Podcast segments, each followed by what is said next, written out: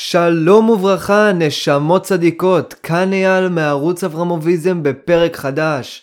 היום אנחנו נמצאים בפרק התשיעי, התשיעי אני חושב, בסדרה הגדולה, המהפכנית, המהפכה הקוונטית.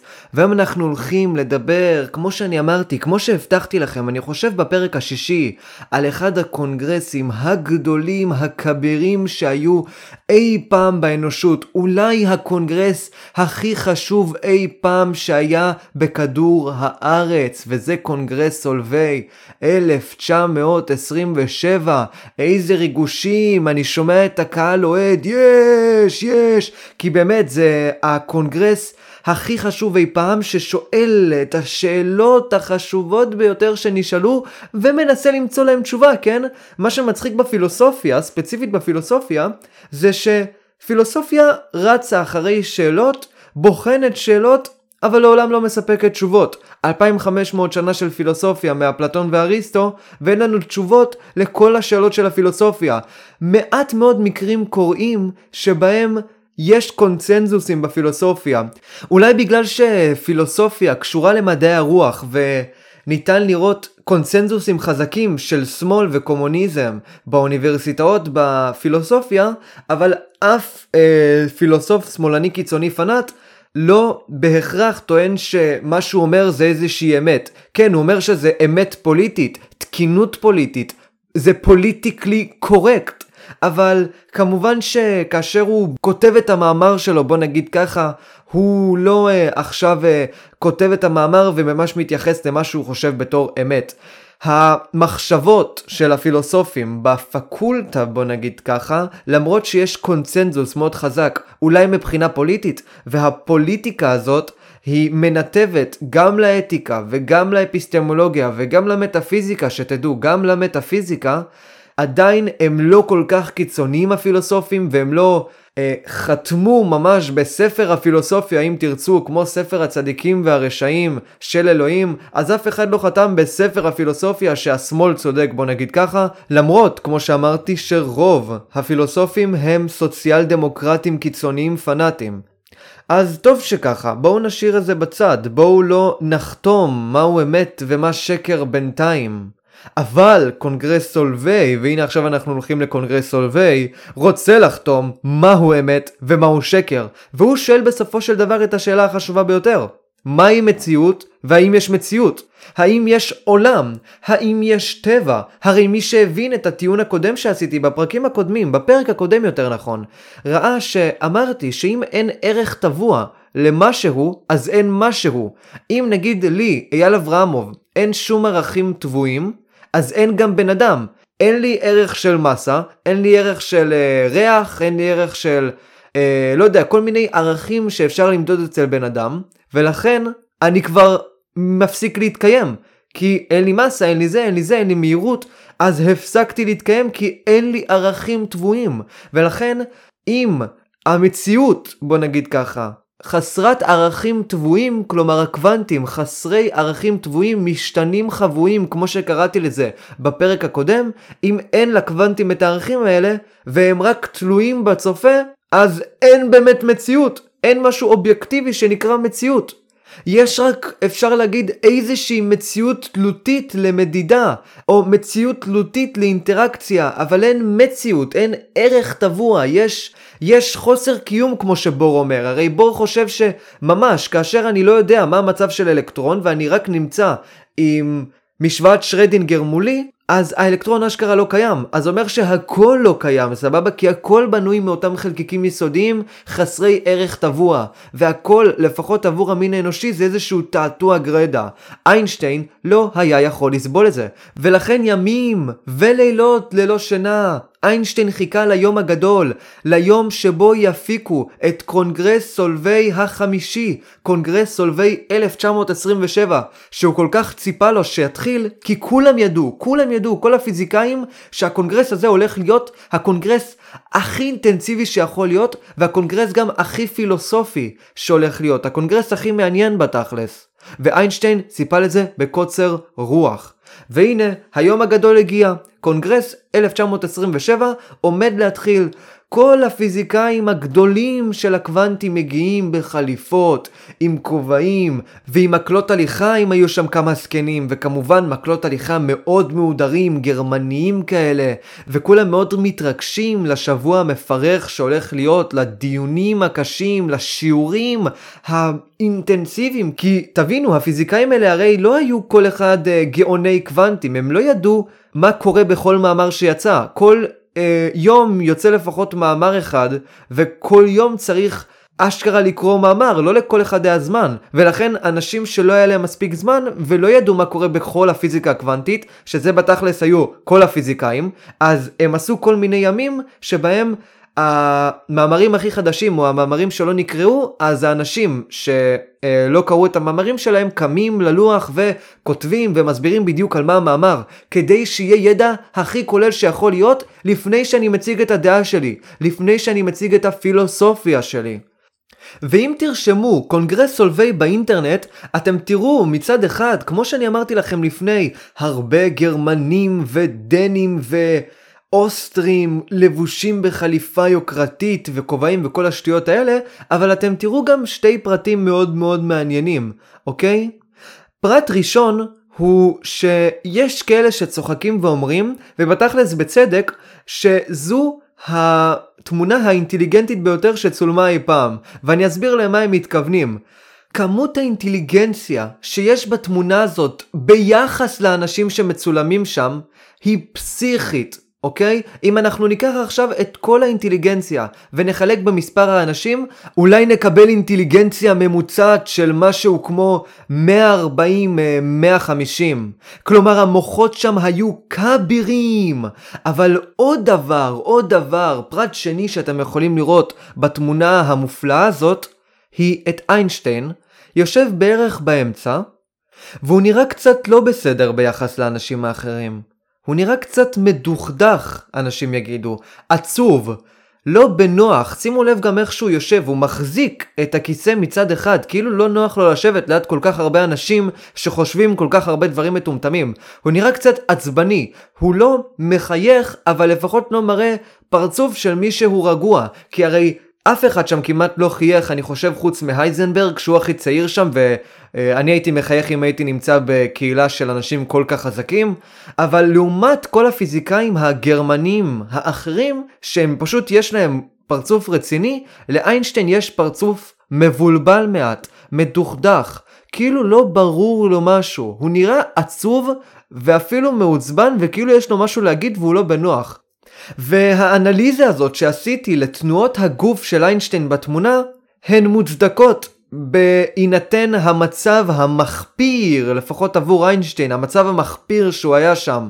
רוב הפיזיקאים ללא יוצא מן הכלל היו קופנהגניאנים, כלומר תמכו בפרשנות הארורה של בור, ואיינשטיין לא היה מסוגל לסבול את זה. לא היה מסוגל לסבול שיש כל כך הרבה פיזיקאים שמסתכלים על הפיזיקה בצורה כזאת, פיזיקה סובייקטיבית, פיזיקה תלותית, מציאות תלותית ולא אובייקטיבית. זה פיזיקה, זה מה שאתם רוצים להתעסק בו, איינשטיין לא היה מסוגל לשאת את זה.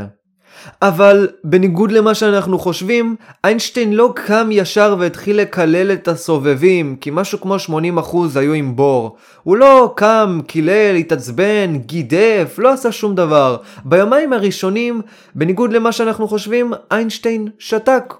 לא אמר מילה. הקשיב לשיעורים, ניסה לראות בדיוק מה האויבים שלו חושבים. דע את האויב שלך יותר ממה שאתה מבין אותך, ויותר ממה שאתה מבין את חברים שלך. הוא רצה לבחון את האויבים שלו טוב טוב, ממש ללטש את פרשנות קופנהגן ולהפוך אותה לפרשנות החזקה ביותר, למפלצת ה... ממש להפוך אותה למפלצת החזקה ביותר, כדי שברגע שהוא יבוא עם המחבט הרצחנית שלו ויפגע במפלצת, אז זאת תהיה פשוט נפילה הכי רצינית שיכולה להיות. הוא רצה להפוך מפלצת גדולה, הוא רצה להפוך ממש מפלצת קופנהגן ענקית. כדי לבנות את הטענות המנוגדות שלו באופן המדויק ביותר שיכול להיות. לחפש את נקודות התורפה במקומות הקטנים ביותר, ואת זה ניתן לעשות רק כאשר המפלצת מוכנה, חזקה ומושלמת. ולכן איינשטיין חיכה יומיים שלמים של שתיקה. ולאחר יומיים של שתיקה, איינשטיין ביום השלישי, או יותר נכון בלילה של היום השלישי, כתב ניסוי מחשבה יוצא דופן. הוא קם ביום של המחרת ללוח והחל לדבר. שימו לב, לא דיבר יומיים, אנשים חשבו שהיה לו איזושהי בעיה נפשית. חשבו שהוא לא רוצה להיות איתנו, לא יודע מה עובר עליו. ופתאום הוא קם ומתחיל להציג איזשהו ניסוי מחשבה יוצא דופן, שאני לא הולך לפרט עליו עכשיו, אלא אני הולך לפרט אך ורק על ניסוי המחשבה האחרון, אבל עכשיו הוא עומד בלוח ומציג לנו ניסוי מחשבה יוצא דופן, ששבר את רוחו של בור. ובור, באותו יום, בהפסקות הצהריים, בשיעורים, כתב וכתב וכתב כדי לחסל את איינשטיין, לחסל את הטענת נגד. האם הוא הצליח? כן. בפעם הראשונה, בור הצליח. עוד פעם, איינשטיין לא ישן בלילה, מדברים מדברים מדברים כל היום, בור מצליח. טיעון שני כבר הוא שחט. איינשטיין לא ישן לילה שלישי, יוצר טיעון חזק מאוד, הטיעון הקשה ביותר שבור היה צריך להתמודד איתו, טיעון שבור היה צריך ארבעה ימים כדי להתמודד איתו, ולטיעון הזה קוראים קופסת האור של איינשטיין, איינשטיין מטיח ממש את הטיעון העילאי שלו על השולחן, או יותר נכון על הלוח מול כל ה-20 פיזיקאים, ה-30 פיזיקאים שהיו שם, ובור לא יודע מה להגיד.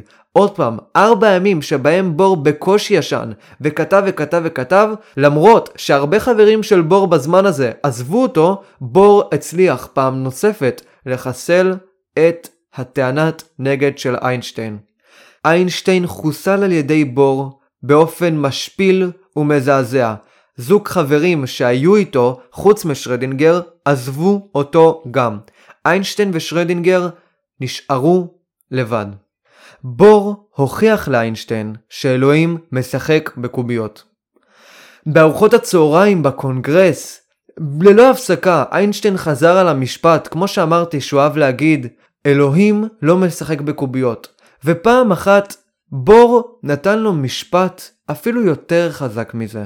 משפט מדהים, משפט שכולל בתוכו מעט את הפילוסופיה של הרמב"ם, ומשפט שמוכיח בסופו של דבר את מה שאני ניסיתי להוכיח לכם בסדרה של הפיזיקה הקלאסית. איינשטיין אמר לבור, אלוהים לא משחק בקוביות, ובור אמר, ובכל זאת, אין לנו הרשות להגיד לאלוהים כיצד לנהל את העולם. שימו לב, שימו לב איזה משפט חזק, איזה משפט מוחץ להגיד ככה לאיינשטיין. להוכיח לאיינשטיין שכל הפרעות האינטלקט האלה פוגעות ביכולת של איינשטיין לקבל את התיאוריה כשלעצמה, להבין יותר נכון שעצם הפיזיקה, עצם העולם הוא לא הריצה של האדם אל עבר האמת, אלא בסך הכל הניסיון של האדם לתאר את המציאות כפי שהוא יכול לתאר אותה. איינשטיין חושב שהפיזיקה שהוא יוצר היא פיזיקה שתהיה דומה ב-100% לפיזיקה שהחייזרים מייצרים, כי הוא מאמין שהפיזיקה הזאת היא מוחלטת ואובייקטיבית. בור אומר לא. בור אומר שתפיסת העולם של החייזרים מבחינת החומר תהיה כל כך שונה מהדרך שבה אנו תופסים את העולם עם החושים שלנו, שיכול להיות שהם ייצרו פיזיקה כמעט שונה לחלוטין, או לפחות פרספציה, פרספקטיבה שונה לגמרי של הפיזיקה, והיא תהיה עבורם באיזשהו אופן נכונה.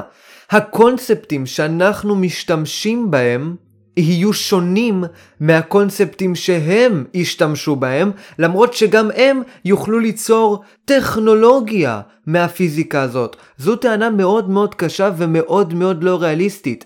עוד פעם, בור אומר שמטרתה של הפיזיקה היא לא להבין את אמת העולם, אלא לתאר את העולם בהתאם לקונספטים שאנחנו יכולים להבין. תפיסת החומר של החייזרים יכולה להיות שונה לחלוטין, ושתי הגישות האלה שוות, כי יכול להיות וזה נראה לי מה שבור האמין בו, שאין את המציאות ואין את האמת המוחלטת, ומתוך כך אין את הקריטריונים שאיתם אנחנו יכולים לבחון מהו אמת ומהו שקר במציאות, ולכן תפיסת החייזרים לגבי החומר שווה לתפיסת בני האדם לגבי החומר. אבל זה לא בדיוק מה שבור התכוון אליו. בור התכוון למה שאני דיברתי עליו, כמו שאמרתי, בפיזיקה הקלאסית, אוקיי? ובפיזיקה הקלאסית אני ניסיתי להוכיח שהפיזיקה מתנגדת להיגיון, ובור רצה לעורר את איינשטיין. בור רצה להראות לאיינשטיין שהוא אריסטו, בזמן שאני סוקרטס, איינשטיין אריסטו, ואיינשטיין חושב שההיגיון שלו שווה ערך באיזשהו אופן למציאות, ואם ההיגיון שלו אומר שיש ערכים טבועים ודטרמיניזם ויש מציאות, אז המציאות פועלת באופן שאיינשטיין חושב. לא, בור אומר שזו טעות, זו טעות שאריסטו חטא בה, ואיינשטיין לא מבין את זה. איינשטיין צריך לקבל את העובדות כמו גבר, ולהבין שהעולם השפינוזיסטי הקסום שהוא כל כך רוצה שיהיה אמיתי, לעולם לא באמת יתקיים במציאות. הוא נמצא במצב של איזשהו עיוות מנטלי. איזושהי אמונה עיוורת דתית אל עבר שפינוזה והאלוהים של שפינוזה, ובור רוצה לערער את איינשטיין, ולכן, באופן מעט שקט, כמו שאמרתי, בור אמר לאיינשטיין, ובכל זאת אין לנו הרשות להגיד לאלוהים כיצד לנהל את העולם. אבל כאן, עוד פעם, בור באיזשהו אופן אומר שיש את המציאות הזאת, יש את המוחלטות הזאת, כי הוא טוען שאלוהים מנהל את העולם, ולכן יש עולם ויש ערכים טבועים. וזה איזשהו משהו שקצת סותר את הטענה הקודמת שלי, הטענה שאומרת שחייזרים ובני אדם, אז הפרספקטיבה שלהם כלפי העולם היא רלטיבית ושווה. לא, בור מדבר בשפה של איינשטיין, ולכן, אם איינשטיין מאמין שיש את המציאות האובייקטיבית המוחלטת הזאת, בור חייב להראות לו שאפילו המציאות האובייקטיבית שהוא חושב שהיא נכונה, יכולה להיות נכונה, אבל לא בדרך שהוא חושב שהיא צריכה להיות נכונה. כלומר, אנחנו לא יכולים להגיד לאלוהים איך לנהל את העולם. עכשיו, השבוע הזה, בקונגרס סולווי, מאוד השפיע על איינשטיין, השפיע לרעה אני מתכוון.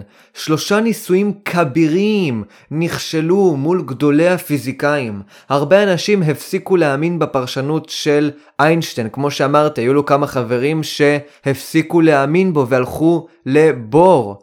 איינשטיין ממש נכשל בפומבי מול הקהילה הפיזיקאית והדבר הזה מאוד השפיע עליו. בגלל כל הלחץ והעצבים, איינשטיין אה, התמוטט כמה ימים אחרי, בעקבות איזשהו משבר, הוא קרס ברחוב והיה ארבע חודשים בבית שלו. ובאיזשהו אופן משעשע, בזמן שדתיים לפחות הולכים לחיק הדת כאשר הם נמצאים בכישלון חריף, איינשטיין כמובן הולך לחיק שפינוזה, ושפינוזה מחבק אותו, ואומר שהכל בסדר והכל יהיה טוב. לאחר תקופת המחלה, איינשטיין הודה לברוך רופא חולים, והחליט לצאת קצת מעולם הפיזיקה, לנסות להוריד פרופיל באיזשהו אופן, וללכת אה, להתחיל לממן כספים ולהשיג הרבה כספים עבור האוניברסיטה העברית. הרי איינשטיין היה אחד התומכים הגדולים ביותר למדינת ישראל, וכמו שהרבה מכם בטוח יודעים, בן גוריון לאחר מותו של חיים ויצמן הציע לאיינשטיין להיות הנשיא החדש, אבל איינשטיין סירב, והוא סירב בגלל שהיו לו מחלות קשות וחוסר יכולת להתמודד עם כזאת אחריות בגילו המופלג. ועוד לפני ההצעה המפתה הזאת מבן גוריון, הדרך שבה איינשטיין החליט אה, לממן כספים ולהשיג כספים עבור האוניברסיטה העברית היא על ידי ניסיון להרשים משפחות יהודיות עשירות וקונגלומרטים יהודים גדולים ו... ופוליטיקאים עשירים יהודים גדולים. בקיצור, הוא הלך לכל מיני מדינות ברחבי העולם, אה, וחיפש כל מיני טייקונים יהודים כבירים וענקיים, אה, וניסה לשכנע אותם בכל מיני טענות ודיבורים ושיח ובתי קפה. לממן את האוניברסיטה העברית.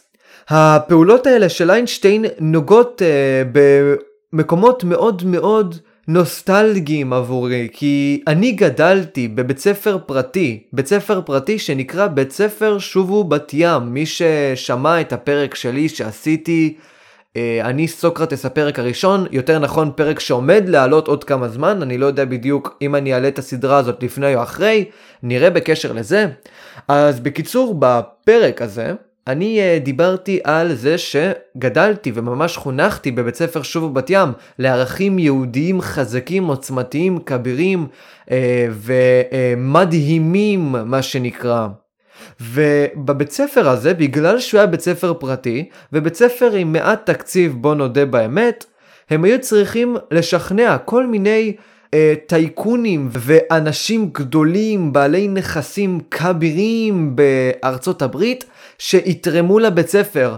ואני זוכר שפעם בשנה או אפילו פעמיים בשנה הגיעו כל מיני uh, טייקונים וקפיטליסטים ענקיים אל בית הספר וכל פעם לקחו איזה ילד תימני חמוד אחד שהיה איתי באותה כיתה, קראו לו גיא תביב, ילד uh, ממש ממש צדיק וטוב. תדמיינו, תימני, צדיק, עם כל הסטיגמות שיכולות להיות, זה גיא תביב בוא נגיד ככה. אז בקיצור, אה, תמיד לקחו את גיא תביב כדי שירשים את הקפיטליסטים העשירים הגדולים היהודים האלה, וזה בדיוק בתכלס מה שאיינשטיין עשה. איינשטיין היה גיא תביב, ואיינשטיין היה צריך לשכנע את כל המשפחות היהודיות העשירות לממן את האוניברסיטה העברית, בדיוק כמו שגיא תביב שכנע את המשפחות העשירות היהודיות לממן את בית ספר שוב בבת ים.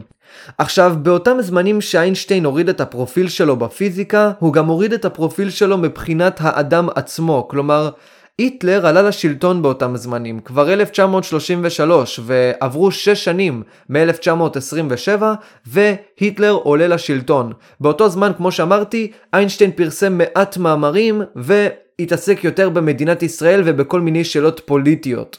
וכאשר היטלר עלה לשלטון, איינשטיין החליט אה, באופן אה, מאוד מאוד אה, נחרץ פשוט לבטל את האזרחות הגרמנית שלו. ככה, כאילו על המקום. עכשיו, הוא ביטל את האזרחות הגרמנית שלו כבר פעם, ופתאום הבן אדם המפורסם ביותר בגרמניה מבטל את האזרחות הגרמנית, וזה ממש מכה לכל גרמניה, אוקיי? עכשיו, בגלל שרוב התיאורטיקנים ורוב הפיזיקאים בתכלס, אה, לפחות 50% היו יהודים באותה תקופה בגרמניה ובכל מיני מדינות אה, של הציר, מדינות הציר, אז בתקופת מלחמת העולם השנייה, היה ממש משבר בפיזיקה, או יותר נכון, בתחילתה של מלחמת העולם השנייה ובתחילה של העלייה לשלטון של היטלר, כי הפיזיקאים היו צריכים למצוא את עצמם, בוא נגיד ככה, במקומות שונים, ואולי לחפש משרות שונות וכל מיני דברים כאלה, כי הם פחדו להישאר בפקולטות הגרמניות, האוסטריות ואפילו האיטלקיות. ולכן משהו כמו 50% מהפיזיקאים האהובים עלינו שדיברנו עליהם בפרקים הקודמים ובפרקים האלה שדיברתי במהפכה הקוונטית ועוד כל מיני פיזיקאים גדולים שהיו בקונגרס סולווי ופיזיקאים שניהלו כל מיני פקולטות אה, רציניות ומכונים גדולים לפיזיקה התפטרו מהמשרה שלהם וחיפשו משרות אחרות במקומות שהם מחוץ למדינות הציר או מדינות פחות פשיסטיות. עכשיו, המהפכה הזאת ממש, השביתה הזאת של התאורטיקנים והבריחה שלהם מגרמניה, ממש דפקו את הגרמנים, או יותר נכון דפקו את העולם המדעי הגרמני.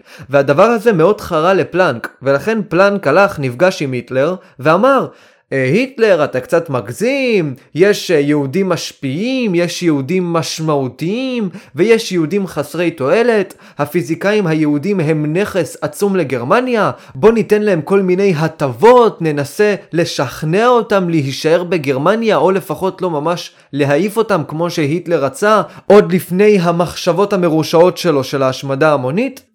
ופלנק, כמו שאמרתי, ניסה ממש להיכנס לליבו של היטלר ולהגיד, לא, היטלר, די, נו, אל תהיה כזה מניאק, אני רוצה מדעים, אני אוהב מדעים, אני רוצה ללמוד פיזיקה. אתה פשוט שוחט לי כאן את כל המכונים, אחי, מה אתה עושה? למה אתה דופק לי את המערכת? כלומר, פלנק היה ממש בקאנטים, לא בקוונטים, אלא בקאנטים, אוקיי? הוא לא ידע מה לעשות עם עצמו כי אין יהודים, אין פיזיקאים, ו... והיטלר הרשע הזה לא הסכים למילה אחת שיוצאת מפיו של פלנק למרות שהיטלר הכיר את פלנק, הכיר אותו והיה אפילו איזשהו חבר טוב באיזשהו אופן של פלנק, כלומר פלנק הרי היה אחד הפיזיקאים הכי משמעותיים בגרמניה והסב הרבה כבוד לגרמניה ולכן היטלר הכיר את פלנק ולמרות הפסאודו קרבה ביניהם, כאילו ה... למרות שהם איכשהו מכירים ביניהם, אתם יודעים, שלום שלום במעלית, דברים כאלה, היטלר לא הסכים בשום פנים ואופן. הוא טען שכל היהודים הם חיות עלובות, בהמות ועכברים שצריך להעיף מהר מגרמניה. וגם אם אנחנו כבר מדברים על הקטע הזה עם היטלר והניסיון ממש לגרש את כל היהודים מגרמניה, אז אה, היה גם סיפור אחר שקשור יותר למתמטיקאים, היה אה, איזשהו מכון, מכון של בחור בשם דוד הילברט, אני בטוח ששמעתם על השם הזה, אה, מתמטיקאי יוצא דופן, אחד המתמטיקאים הכי גדולים שהיו כאן אי פעם ביקום הזה, בוא נגיד ככה, והוא ניהל איזשהו מכון מאוד מפורסם, ושר החינוך הנאצי הארור שאל את הילברט, תגיד, אה, בריחת המוחות היהודית הזאת והגירוש האכזר שהיטלר עושה ליהודים, אה, זה לא השפיע עליך באיזשהו אופן למכון? המכון שלך לא סובל בגלל ההגליה הנוראית הזאת? והילברט אומר, לא, לא, סובל? ממש לא סובל, חס ושלום. הוא פשוט לא קיים יותר. עכשיו, לשמחתו של בור, שגם הוא היה יהודי אם תרצו, או חצי יהודי, אז מכון בור לא נפגע, כי מכון בור היה בדנמרק. וגם בור נחשב לאחד מחסידי אומות עולם, למרות שהוא לא בדיוק קיבל את הפרס, כי בור היה חצי יהודי, עוד פעם. ובתור חסיד אומות עולם, בור עשה משהו ממש ממש מדהים. לא רק שהוא הלך למלך שוודיה וביקש לקבל לדנמרק הרבה מאוד יהודים מוגלים, הוא גם נתן להרבה יהודים משרות בתוך המכון שלו, סידר להרבה יהודים עבודות בתחומים מדעיים, וממש אה, היה דמות אה, מצילה, איזשהו מלאך משמיים עבור כל מיני יהודים שניגלו ממדינות הציר ומגרמניה.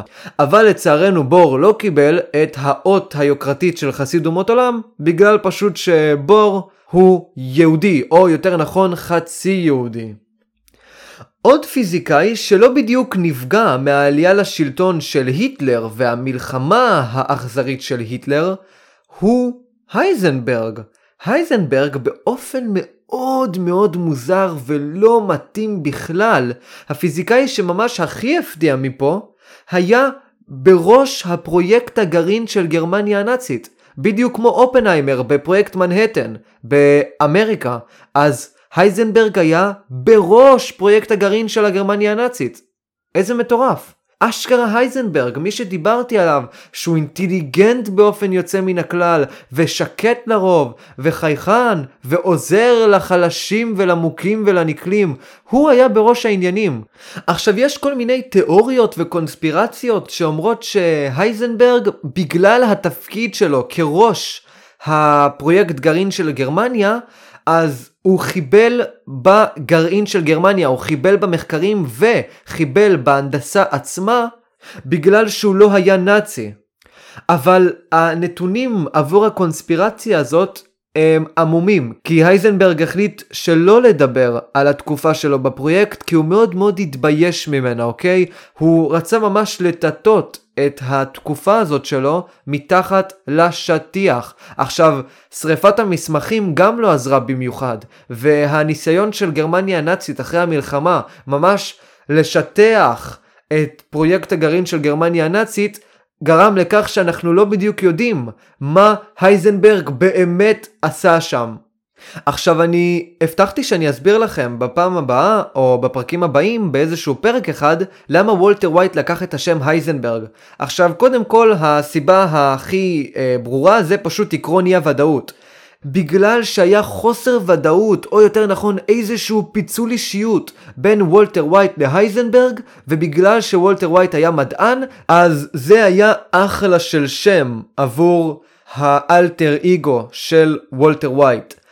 יש אבל עוד סיבה, וזו סיבה קצת יותר מעניינת, והיא הייזנברג עצמו, כלומר הייזנברג הפיזיקאי. הייזנברג גם הוא היה במצב של וולטר ווייט. מצד אחד אנחנו רואים שלפני מלחמת העולם השנייה אה, הוא היה מאוד וולטר ווייטי כזה, מאוד רגוע, חייכן, עוזר לאנשים, ופתאום, בתחילת מלחמת העולם השנייה, הוא עוזר לגרמניה הנאצית הארורה שרצתה ממש להטיל חורבן, וממש היטלר רצה מה שנקרא להרוס הכל, להרוס הכל. ובאיזשהו אופן מצחיק, הייזנברג היה בראש העניינים של פרויקט הגרעין של גרמניה הנאצית. וזה לא מתאים, זה לא מתאים, עוד פעם אמרתי שזה מפתיע, זה לא מתאים לדמות הוולטר ווייטית הזאת של הייזנברג. ולכן גם זו הייתה אחת הסיבות שהציבו לוולטר ווייט את השם הייזנברג. טוב, אז אני הבטחתי לכם שהפרק הזה אני הולך לדון בניסוי מחשבה המפורסם ביותר של איינשטיין, ללא ספק המפורסם ביותר של איינשטיין, ואני הולך להציג לכם למה איינשטיין צודק, או יותר נכון, למה איינשטיין צודק עד שנמצא משהו טוב יותר למכניקת הקוונטים. ו... מה שאיינשטיין הכין לנו הפעם, 1935, נחזור טיפה אחורה, ונהיה עכשיו בזמנים עוד לפני מלחמת העולם השנייה, ובזמנים שבו היטלר, יותר נכון, מכין את עצמו ואת גרמניה למלחמת העולם השנייה. אז אנחנו נמצאים ב-1935. רוזן, פודולסקי ואיינשטיין, שלושה יהודים מאוד מאוד גדולים ומאוד מאוד חכמים, פעלו יחדיו על מנת לבנות את הפרדוקס חסר הרחמים שהולך לשחוט, לתקוע סכין חזקה בפרשנות קופנהגן, ולפרדוקס קוראים פרדוקס EPR, איינשטיין, פודולסקי, רוזן, בגלל זה קוראים לפרדוקס פרדוקס EPR. המאמר העילאי, באמת מאמר גאוני של איינשטיין, שאני חושב ש... כולל רק ארבעה עמודים, מתחיל עם המשפט הבא: כל בחינה של תיאוריה פיזיקלית צריכה לקחת בחשבון את הדיכוטומיה שבין העולם האובייקטיבי ועולם הקונספטים של התיאוריה. משהו מעניין הוא אומר. משהו שדומה למה שניטשה ופרויד אומרים והרציונליזציה שאנחנו עושים על ידי קונספטים אבולוציוניים. הקונספטים מאפשרים לנו להבין את המציאות ובמובן מסוים מעצבים את נקודת המבט שלנו על המציאות. עוד פעם, משפט חזק, משפט חזק מאוד. איינשטיין מניח קודם כל כאן שיש עולם שהוא אובייקטיבי, שיש מציאות שהיא מחוץ לצופה, שיש צופה, ובצדק טוען שהקונספטים שאנחנו יוצרים מעצבים את נקודת המבט שלנו על המציאות. עכשיו זה מאוד מאוד אירוני ואפשר אפילו להגיד צבוע שאיינשטיין למרות שהוא אומר את המשפט הבאמת חזק הזה, באותו משפט גם מכניס את המילה מציאות, כלומר שיש מציאות אובייקטיבית, ומאמין באובייקטים חומריים ומציאות וערכים טבועים ודטרמיניזם. מעניין שהוא יכול ללכת על פי שתי המערכות חשיבה האלה, אבל בסדר, נניח לו. בואו נמשיך ונראה מה איינשטיין ממשיך להגיד. איינשטיין אומר שהדרך שלנו לשפוט האם התיאוריה היא נכונה או לא נכונה, תיאוריה פיזיקלית, היא אם המסקנות והתוצאות שהתיאוריה מנבאת מתיישבות עם נתוני המעבדה. קריטריון מאוד מאוד ברור ומאוד מאוד פשוט. אני יוצר תיאוריה, התיאוריה צריכה לנבא משהו אם אני מכניס לתוך התיאוריה נתונים, אני מקבל נתונים מסוימים בתוך התיאוריה, ועכשיו אני עושה בדיוק את אותו הניסוי שעשיתי דרך התיאוריה בעולם האמיתי. אם אני מקבל נתונים שונים, התיאוריה לא מוצלחת, התיאוריה לא נכונה. ועכשיו, מתוך כך, איינשטיין רוצה לשאול את עצמו במאמר, כל זה הוא כותב בהתחלה, כן? עם פודולסקי ורוזן. הוא שואל את עצמו בהתחלה, בואו נבחן את התיאוריה הקוונטית בשתי שאלות. האם התיאוריה נכונה? והתשובה היא כן, התיאוריה נכונה, כי בהתחשב לקריטריון של שפיטת התיאוריה, שאיינשטיין הציב לפני, התיאוריה נכונה. היא מנבאת, נכון, את מה שקורה במעבדה. התיאוריה מנבאת איזשהו מצב מסוים, לדוגמה, ש-80% מהפעמים החלקיק כל פעם שאנחנו נמדוד אמור להיות בצד ימין ולא בצד שמאל. ואחרי זה אני עושה נגיד את הניסוי אלף פעמים, ואני רואה ש-800 פעמים מתוך האלף, החלקיק בערך, כן, בערך 800 פעמים, החלקיק היה בצד ימין. זה אומר שהתיאוריה נכונה, כן, זו הייתה הוכחה אינדוקטיבית, אבל זה מה שהמדע יכול לעשות בתכלס הכי טוב. אז סבבה, התיאוריה נכונה. אבל עכשיו נשאלת שאלה חזקה יותר. האם התיאוריה שלמה? כלומר, האם התיאור של המציאות שנובע מהתיאוריה נכון? והתשובה, אם נקבל את הפרדוקס של איינשטיין, שאני הולך להציג אותו עכשיו, היא לא. תיאוריה הסתברותית למכניקת הקוונטים היא אולי נכונה, אבל היא לא שלמה, היא לא מייצגת נכון את המציאות, אוקיי? המציאות, על פי הפרדוקס, בעלת ערכים טבועים, הקוונטים בעלי ערכים טבועים, ולכן הם דטרמיניסטים. והתיאוריה אולי נכונה, אבל היא לא מייצגת באופן מושלם את המציאות. כלומר, התיאוריה ממש לא אומרת לך איך המציאות נראית. היא אולי מנבאת דברים שהם נכונים, אבל התיאוריה עצמה לא שלמה. התיאור שלה כלפי העולם לא שלם. העולם מתנהג באופן מושלם יותר, אפשר להגיד, מהתיאוריה עצמה. התיאוריה לדוגמה אומרת שלפחות 70% מהפעמים הכדור יופיע בצד ימין ולא בצד שמאל. אבל תיאוריה שלמה היא תיאוריה שתגיד בדיוק מתי הכדור יופיע בצד ימין ובדיוק מתי הכדור יופיע בצד שמאל. עכשיו זה באמת נכון שבסופו של דבר זה היה לפחות 70% מהפעמים אבל לא קיבלנו את הנתון המדויק, לא קיבלנו את האחוזים המדויקים שבהם הכדור יימצא בצד ימין ולא בצד שמאל, אוקיי? זה ההבדל בין תיאוריה נכונה אבל לא שלמה לבין תיאוריה נכונה ושלמה. אז בואו נמשיך אחרי המשפטים החזקים מאוד של איינשטיין, רוזן ופודולסקי, ונמשיך בתכלס למאמר עצמו, או יותר נכון, לפרדוקס עצמו. עכשיו אני אקח גרסה ואסביר גרסה של בום שיצר ב-1950. אני לא אסביר את הגרסה של 1935 של המאמר, כי היא גרסה קצת, קצת פחות מובנת. והגרסה של בום קצת יותר מובנת. אוקיי? ולכן עדיף להשתמש בגרסה שלו. והגרסה שלו היא כזאת, והיא פשוטה מאוד. מי שזוכר, באחד הפרקים של המהפכה הקוונטית, דיברנו על הדבר הזה שנקרא רדיואקטיביות, שאטום יכול לפלוט חלקיקים. יש איזושהי תופעה שבה האטום, איזשהו אטום, לא משנה איזה אטום, פולט שתי חלקיקים. החלקיקים האלה הם אלקטרונים. ומכניקת הקוונטים קובעת, וזה איזשהו משהו שנובע מתוך עקרון האיסור של פאולי ועוד כל מיני דברים כאלה, מכניקת הקוונטים קובעת שזוג האלקטרונים הזה שיוצא מהאטום חייב להיות בעל ספינים הפוכים. זוכרים מה זה ספינים? אנחנו דיברנו על זה בנראה לי אה, בפרק הרביעי אולי או בפרק החמישי. תתייחסו לספינים פשוט כמעין מצב קוונטי של חלקיק. וספין יכול להיות עבור אלקטרון או ספין למעלה או ספין למטה, אוקיי? ספין מעלה, ספין מטה. המדענים גילו שהספינים האלה בתופעה הספציפית הזאת חייבים להיות מנוגדים.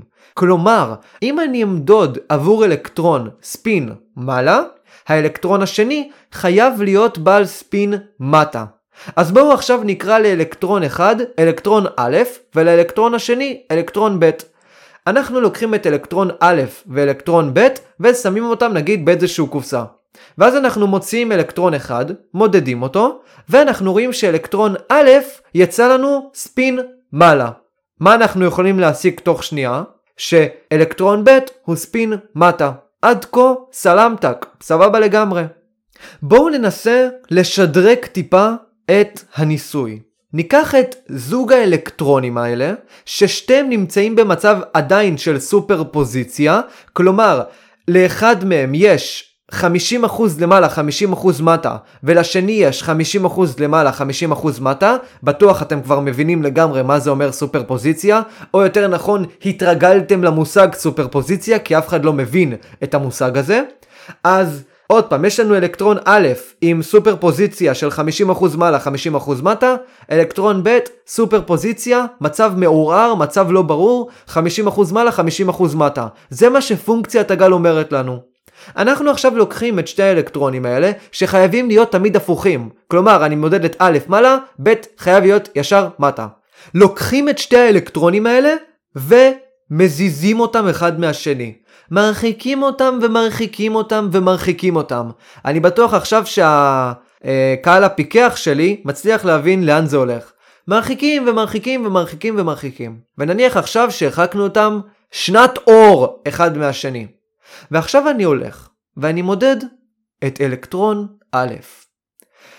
ואני מודד את אלקטרון א', פונקציית הגל קורסת, ואלקטרון א' מראה לי שהוא מעלה. כמובן שאם מישהו אחר ימדוד את אלקטרון ב', אלקטרון ב' יהיה מטה. אבל עוד לפני המדידה של אלקטרון ב', היה ידוע בגלל אלקטרון א', שאלקטרון ב' נמצא ב-100% של מטה. כלומר, המדידה על אלקטרון א' השפיעה על אלקטרון ב' מהר יותר ממהירות האור. באיזשהו אופן מוזר, אלקטרון א' שלח מידע עבור אלקטרון ב' יותר מהר ממהירות האור, המידע עשה טלפורט לאלקטרון ב' ואלקטרון ב' עכשיו חייב להיות ב-100% למטה. לא צריך לחכות שנה שלמה כדי שאלקטרון ב' יפסיק להיות בסופר פוזיציה. עצם המדידה שנת אור שלמה מאלקטרון ב' משפיע על אלקטרון ב'. עכשיו, וואו וואו וואו וואו וואו, רק שנייה אחת. תורת היחסות הפרטית היא נכונה, אין לה מגרעות. שום פעולה על חלקיק אחד בקצה אחד של הגלקסיה לא אמור להשפיע על פעולה של חלקיק אחר בקצה השני של הגלקסיה. זה לא יכול להיות. המידע הכי מהיר שיכול להיות זה מידע שהוא במהירות של מהירות האור. לא יותר מהיר מזה. גם יש דבר כזה בפיזיקה שקוראים לו עקרון הלוקליות, שכוח שמופעל על משהו רחוק באלפי קילומטרים לא אמור להשפיע באופן מיידי על משהו שמורחק מאותו דבר אלפי קילומטרים. עוד פעם, ההשפעה הכי מהירה יכולה להיות השפעה של מהירות האור. ושתדעו שאחד מניסויי המחשבה של איינשטיין עבור תורת היחסות הכללית היו מה יקרה אם השמש תיעלם. אם השמש תיעלם, אז אנחנו מניחים שכדור הארץ ישר יפסיק להיות בתנועה סביב השמש ויתחיל לנוע בקו ישר. אבל איינשטיין אומר לא, אפילו כוח הכבידה לוקח לו זמן, כמו מהירות האור. אה, להשפיע על כדור הארץ. וזה אומר שכאשר השמש תיעלם מהיקום, ייקח לכדור הארץ שמונה דקות של סיבוב. למרות שהוא לא מסתובב סביב שום דבר עד שהוא מתחיל לברוח מהמסלול שלו ונע בקו ישר. אפילו כוח המשיכה הוא כוח משיכה שפועל עד למקסימום של מהירות האור. אז איך זה יכול להיות עכשיו ששתי חלקיקים קוונטיים השפיעו אחד על השני כל כך מהר? אז איינשטיין אומר, לא הייתה כאן שום השפעה. שום דבר. אתם יודעים למה לא הייתה כאן שום השפעה? כי לא הייתה כאן שום סופר פוזיציה. מלכתחילה, אלקטרון א' היה בספין מעלה, ומלכתחילה אלקטרון ב' היה בספין מטה. זה שמשוואת שרודינגר הגדולה אומרת שהאלקטרון נמצא במצב של סופר פוזיציה, לא אומר שזה מה שקורה אשכרה במציאות. וכך מיינשטיין מוכיח לנו שיש ערכים טבועים, יש משתנים חבויים שנמצאים בתוך האלקטרון עצמו, בתוך הקוונט עצמו. כלומר, יש קוונט שקיים, שלא תלוי במדידה. זו טעות. בור טעה, בור נכשל, בור לא יכול לקום מהמכה הקשה הזאת שהוא קיבל מאיינשטיין. הרי כולנו יכולים להסכים שתורת היחסות הפרטית נכונה, על זה אין עוררין. כולנו גם יכולים להסכים שפרדוקס EPR הוא פרדוקס בתכלס נכון, הוא מייצג לנו משהו שיכול להתקיים במציאות, וניסוי שאנחנו יכולים לעשות במציאות. ואם הניסוי הזה באמת מתקיים, זה אומר שמלכתחילה, מלכתחילה היו ערכים טבועים לקוונטים, וסופר פוזיציה לא הייתה. הערך של הקוונט היה ידוע עוד לפני המדידה. העולם לא תלוי במדידה, העולם אובייקט אובייקטיבי, אוקיי? וכך איינשטיין נתן וואחד כאפה חזקה לפרשנות קופנהגן, לבור ולאייזנברג ולפאולי. כל אותם מפגרים שחושבים שהעולם לא אובייקטיבי, העולם לא ברור, העולם פוסט מודרני, לא ולא, ממש לא. והנה אני מוכיח לכם כאן, שכמובן שלא יכולה להיות מדידה שמשפיעה על חלקיק מורחק שנת אור ממנה, רק אחרי שנה יכולה להשפיע, ולכן כבר מלכתחילה, מלכתחילה, לאלקטרון ב' היה ספין מטה. עקרון הלוקליות קיים. עקרון הלוקליות מתקיים בפיזיקה. ועוד פעם, עקרון הלוקליות אומר שכוחות חייבים להשפיע עד למהירות האור. כלומר, לא יכול להיות כוח שישפיע יותר מהר ממהירות האור, מידע לא יכול לעבור יותר מהר ממהירות האור. אתם מבינים? עד עכשיו אין שום דבר שעובר יותר מהר ממהירות האור. ולכן, בור טעה טעות קשה. מכניקת הקוונטים אולי תיאוריה נכונה, אבל היא לא שלמה, היא לא מייצגת באופן מושלם את המציאות. במאמר ה-EPR, בסיום שלו, בשורות סיום האחרונות, איינשטיין כותב, לפיכך, אנו נאלצים להסיק שהתיאור הקוונטי-מכני של המציאות הפיזית, שניתן על ידי פונקציית הגל של שרודינגר, אינו שלם. ומאמר EPR מסתיים באמרה האחרונה, שאומרת, בעוד שהראינו שפונקציית הגל אינה תיאור מספק, כלומר שלם, של המציאות הפיזית, השארנו את השאלה האם קיים תיאור כזה פתוחה. כלומר, השאלה של האם יכול להיות תיאור מושלם של המציאות, השארנו אותה פתוחה. יכול להיות שאין תיאור כזה, יכול להיות שאנחנו חייבים להישאר עם התיאוריות של שרודינגר. אבל הם רושמים, אנו מאמינים שתיאוריה כזאת אפשרית. וכאן הנה נכנס איינשטיין השפינוזיסט האמיתי, רצון האמת העילאי הזה של איינשטיין. איינשטיין למרות הכל אומר ועדיין מאמין שתיאור שלם ומוחלט של המציאות והבנה מוחלטת של אידאת האמת של המציאות יכולה להיות מושגת על ידי המין האנושי.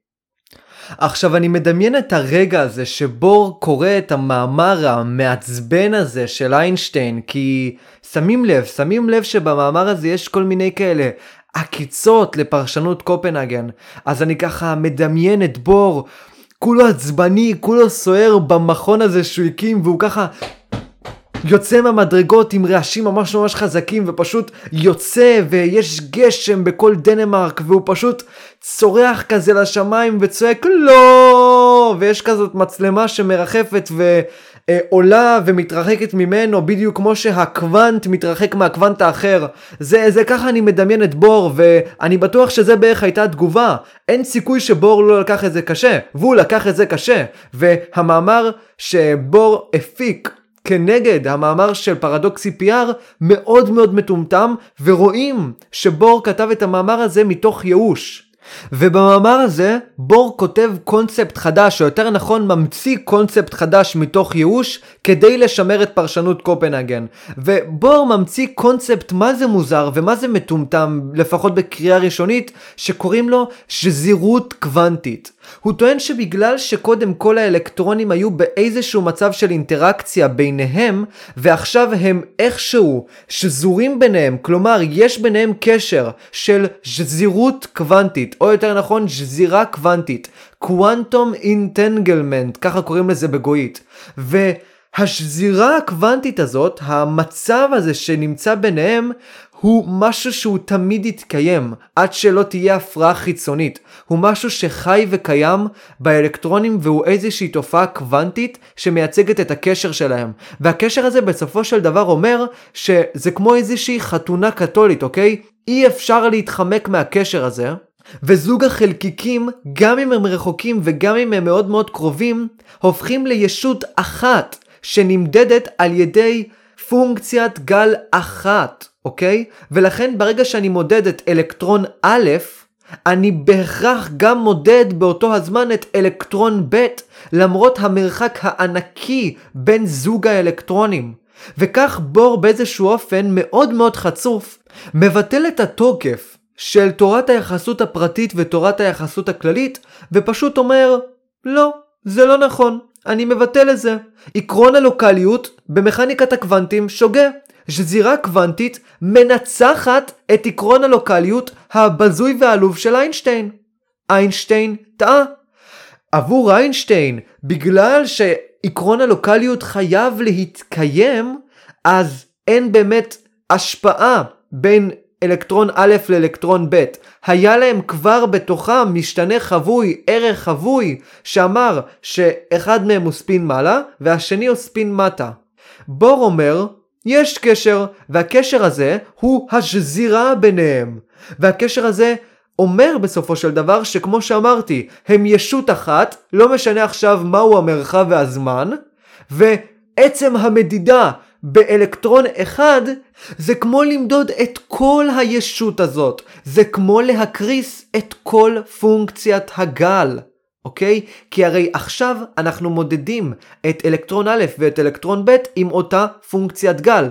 בחינה של אלקטרון א' זה כמו בחינה של אלקטרון ב', כי הם בתכלס באותה מערכת. עזבו עכשיו את המרחב ועזבו עכשיו את הזמן. זה בתכלס מה שבור אומר. כאילו בור עד כדי כך קיצוני וחריף. לא נכון מרחב זמן, לא נכון לוקאליות, לא נכון הסף של מהירות האור, כל אלה לא נכונים.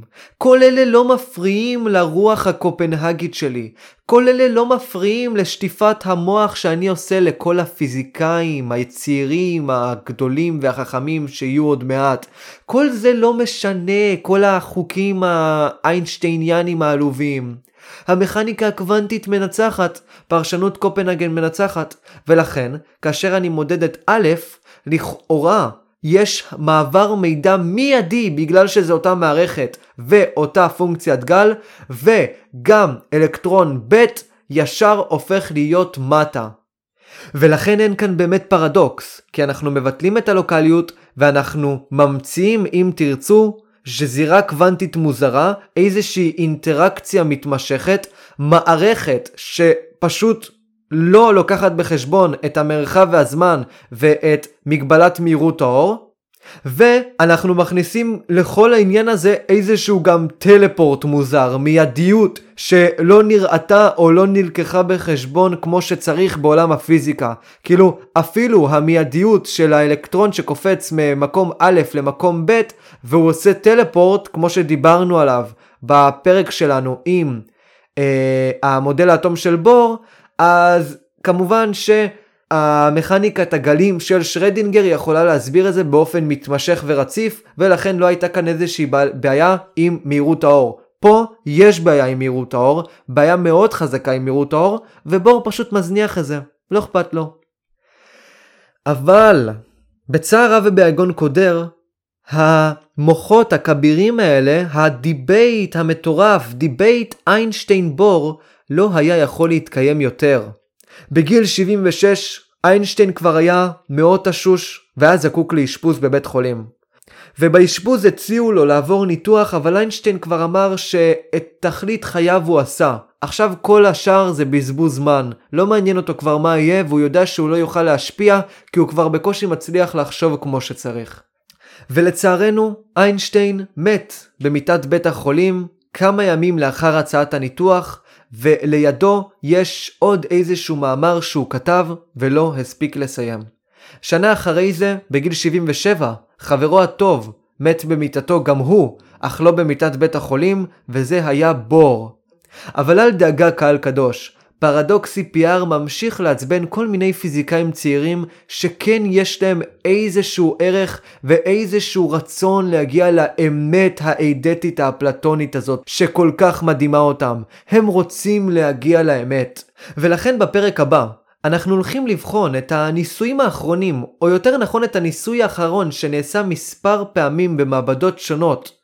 ואשכרה בשנה הזאת, 2022, כל האנשים שעבדו על הניסוי הזה, על הניסויים האלה יותר נכון, משנת 1960 ועד שנת 2014 קיבלו פרס נובל השנה, וזה הולך להיות הניסוי שהולך להכריע בסופו של דבר מי צודק. האם השזירה הקוונטית של בור או האם הגישה הריאליסטית ופרדוקס EPR של איינשטיין. אבל כל זה נלמד בפרק הבא. אז תעשו sub, תלחצו על הפעמון, תעקבו אחריי בספוטיפיי, באינסטגרם, בפייסבוק, באפל אני מעלה, בעוד כל מיני אה, תוכנות, גוגל פודקאסט, כל החרא הזה, ונשתמע. להתראות.